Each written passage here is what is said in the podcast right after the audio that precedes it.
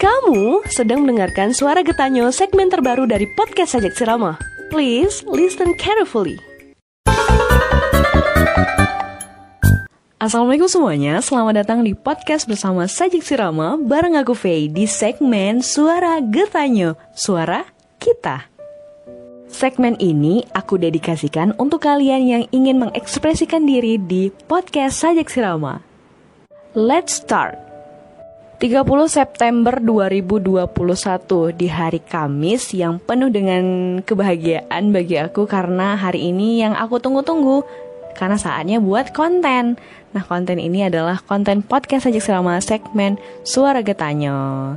Hari ini kita kedatangan sebuah tulisan dari Sima yang bernama Daden Arga. Beliau adalah teman aku yang aku jumpai di tahun 2020 dan dia sangat istimewa bagi aku dan dia sangat luar biasa. Kenapa? Karena dia berbeda dan berbeda itu bukan menjadi penghalang buat kami berinteraksi, tapi menjadi satu pembelajaran bagi aku sebagai manusia untuk bisa menghargai dan saling menghormati satu sama lain. Eh, sebentar, bentar, bentar, bentar. Istimewa, berharga. Emangnya siapa sih kak?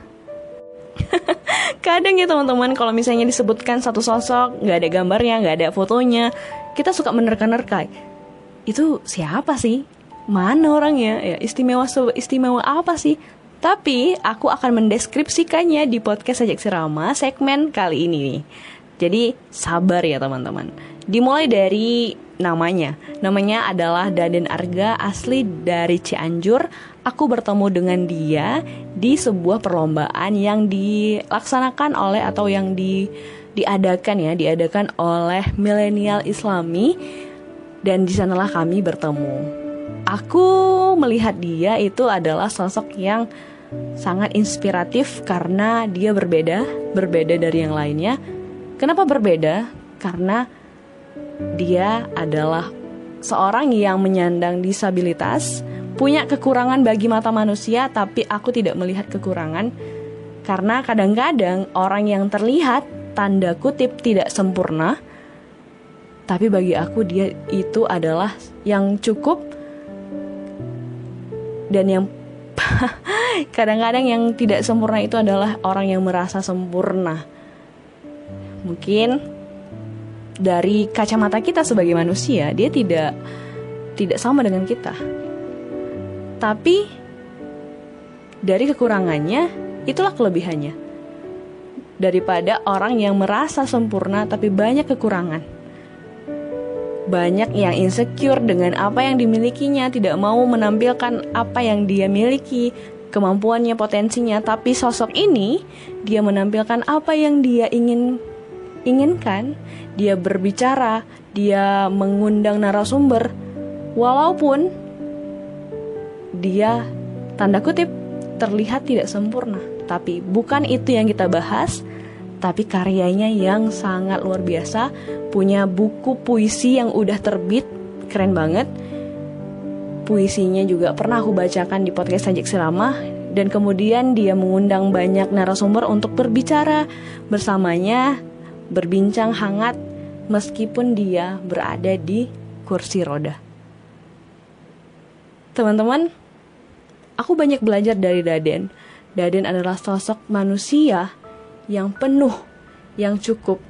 Ketika aku down, dia adalah orang yang selalu mensupport aku untuk terus berbuat karya apa pun. Dia adalah orang yang mengapresiasi karya aku dan di sini di podcast ini aku mau bilang kepada Daden, makasih banyak Daden, makasih banyak pelajaran hidup yang Daden berikan kepada Nanda, Faye. Semoga Daden juga makin luar biasa dan hari ini sebagai tanda apresiasi diriku untuk Daden, aku akan membacakan tulisan yang Daden telah telah tulis dua minggu yang lalu dan hari ini akan membacakan. Semoga teman-teman di sini bisa merasakan apa yang Daden rasakan dan jangan lihat ketidaksempurnaan di mata manusia, tapi kita semuanya sama di hadapan Allah Subhanahu wa taala. Mari kita baca tulisannya, semoga teman-teman terinspirasi. Selamat menikmati. Tentang tiga hak, tulisan dari Daden Arga. Hai, aku adalah seorang penyandang disabilitas dengan klasifikasi cerebral palsy atau kelumpuhan otak yang menggunakan kursi roda. Ya sudah pasti, banyak perbedaan di masyarakat atau mungkin teman sebaya. Namun faktanya, wujud kesetaraan antara kami dengan masyarakat pada umumnya amatlah banyak. Tiga di antaranya yaitu pendidikan, hak berpolitik, dan cinta. Karena pada hakikatnya semua manusia diciptakan sama, mempunyai keinginan yang sama untuk menggapai kebahagiaan. Kondisi fisik bukan menjadi tak berarti di matanya. Siapa pun dia, asal bertakwa yang diiringi dengan ikhtiar, pasti semesta alam tak akan lupa membagi kenikmatan dunia dan akhirat. Pendidikan dengan kekurangan fisik bukan alasan untuk tidak mengenyam pendidikan sebagai kunci dari kesuksesan setiap individu, walau belum merata aksesnya. Misalnya saja aku yang harus menempuh pendidikan di luar tanah kelahiranku karena di sini belum ada sekolah untuk cerebral palsy. Sejak SD hingga SMA, aku sudah bersekolah di luar kota dan tak menetap bersama orang tuaku sekolah luar biasa tempatku menimba ilmu, teman-temanku diantarkan oleh orang tuanya, sedangkan aku hanya bersama pengasuh. Sejak SD hingga SMA, aku sudah bersekolah di luar kota dan tak menetap bersama orang tuaku. Sekolah luar biasa tempatku menimba ilmu lazimnya, teman-temanku diantarkan oleh orang tuanya, sedangkan aku hanya bersama pengasuh. Tentu, hal ini celah bagi para wali murid membuliku dengan santai berkata, Allah, kamu hanya anak yang dibuang oleh orang tuanya. Sakit memang digituin, tapi dari situ aku berniat menjadi seorang yang dewasa, bersikap, dan mungkin menjadi seorang yang lebih bijak. Belajar menjadi bijak, aku memutuskan untuk mengikuti kegiatan yang bernama Camp Demokrasi. Kegiatan ini berupa sebuah perkemahan di alam terbuka dengan narasumber yang memberikan wawasan dan motivasi bahwa kita sebagai penyandang disabilitas pun berhak untuk memilih dan dipilih. Misalnya saja, Bapak Abdurrahman Wahid atau Bapak Gus Dur dengan disabilitas tunanetra tetap mampu menjadi Presiden Republik Indonesia. Dan mungkin menjadi penggiat toleransi hingga mendapat julukan sebagai Bapak Tionghoa.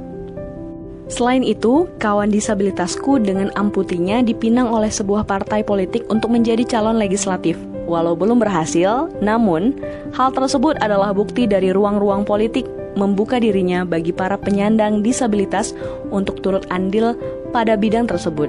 Namun demikian, hati nuraniku belum berminat untuk bergabung di dalamnya. Untuk saat ini, aku mencoba berfokus pada profesi sebagai penulis, entah itu cerpen, esai, puisi, dan bersama teman-teman tengah belajar menulis lirik lagu tentang hak cerebral palsy untuk mencintai dan dicintai. Berbicara tentang hal itu memang benar mencapai kebahagiaan sebagai inti dari kesuksesan dalam hidup dan wajar adanya untuk diperjuangkan layaknya para pahlawan yang berjuang demi mencapai kemerdekaan. Aku kian termotivasi karena banyak juga teman-teman sesama cerebral palsy yang sudah berumah tangga baik dengan sesama disabilitas atau dengan yang normal. Ya, aku yang masih lajang tentu menjadikan mereka sebagai motivasi untuk meraih impian terbesar dalam hidup dan menjadi bekalku bertemu dengan semesta. Ya, impianku adalah mempunyai anak kandung penghafal Al-Quran tekad diri menuju kesuksesan yang sebenar-benarnya yaitu berada kekal di surga. Sekian narasi ini disuguhkan, semoga sima-sima yang mendengarkan mendapatkan inspirasi tentang kami dengan disabilitas khususnya cerebral palsy dengan haknya yang setara mendapatkan pendidikan, terjun ke dunia politik, serta hak untuk mencintai dan dicintai. Sebagai orang yang membacakan tulisan dari Daden, aku sangat terinspirasi dan belajar bahwa kita memiliki banyak hak yang sama. Pendidikan, hak politik, dan hak dicintai. Itu poinnya sangat manis banget ya aku bacain tidak ada perbedaan di antara kita. Kita sama di hadapan Allah Subhanahu wa taala. Yang membedakan adalah keimanan dari kita. Tentunya di sini kita saling menghargai dan mengapresiasi karya masing-masing karena jadilah manusia untuk memanusiakan manusia. Terima kasih ceritanya Daden dan teman-teman yang ingin mengetahui Daden lebih lanjut uh, bisa meng mengunjungi Instagramnya yaitu Daden Arga dan semoga teman-teman bisa mengambil pelajaran atau inspirasi dari Daden. Jadi, kalau teman-teman punya tulisan yang ingin dibacakan oleh aku, kirim aja ke Gmail aku di veloniananda@gmail.com. Terima kasih teman-teman.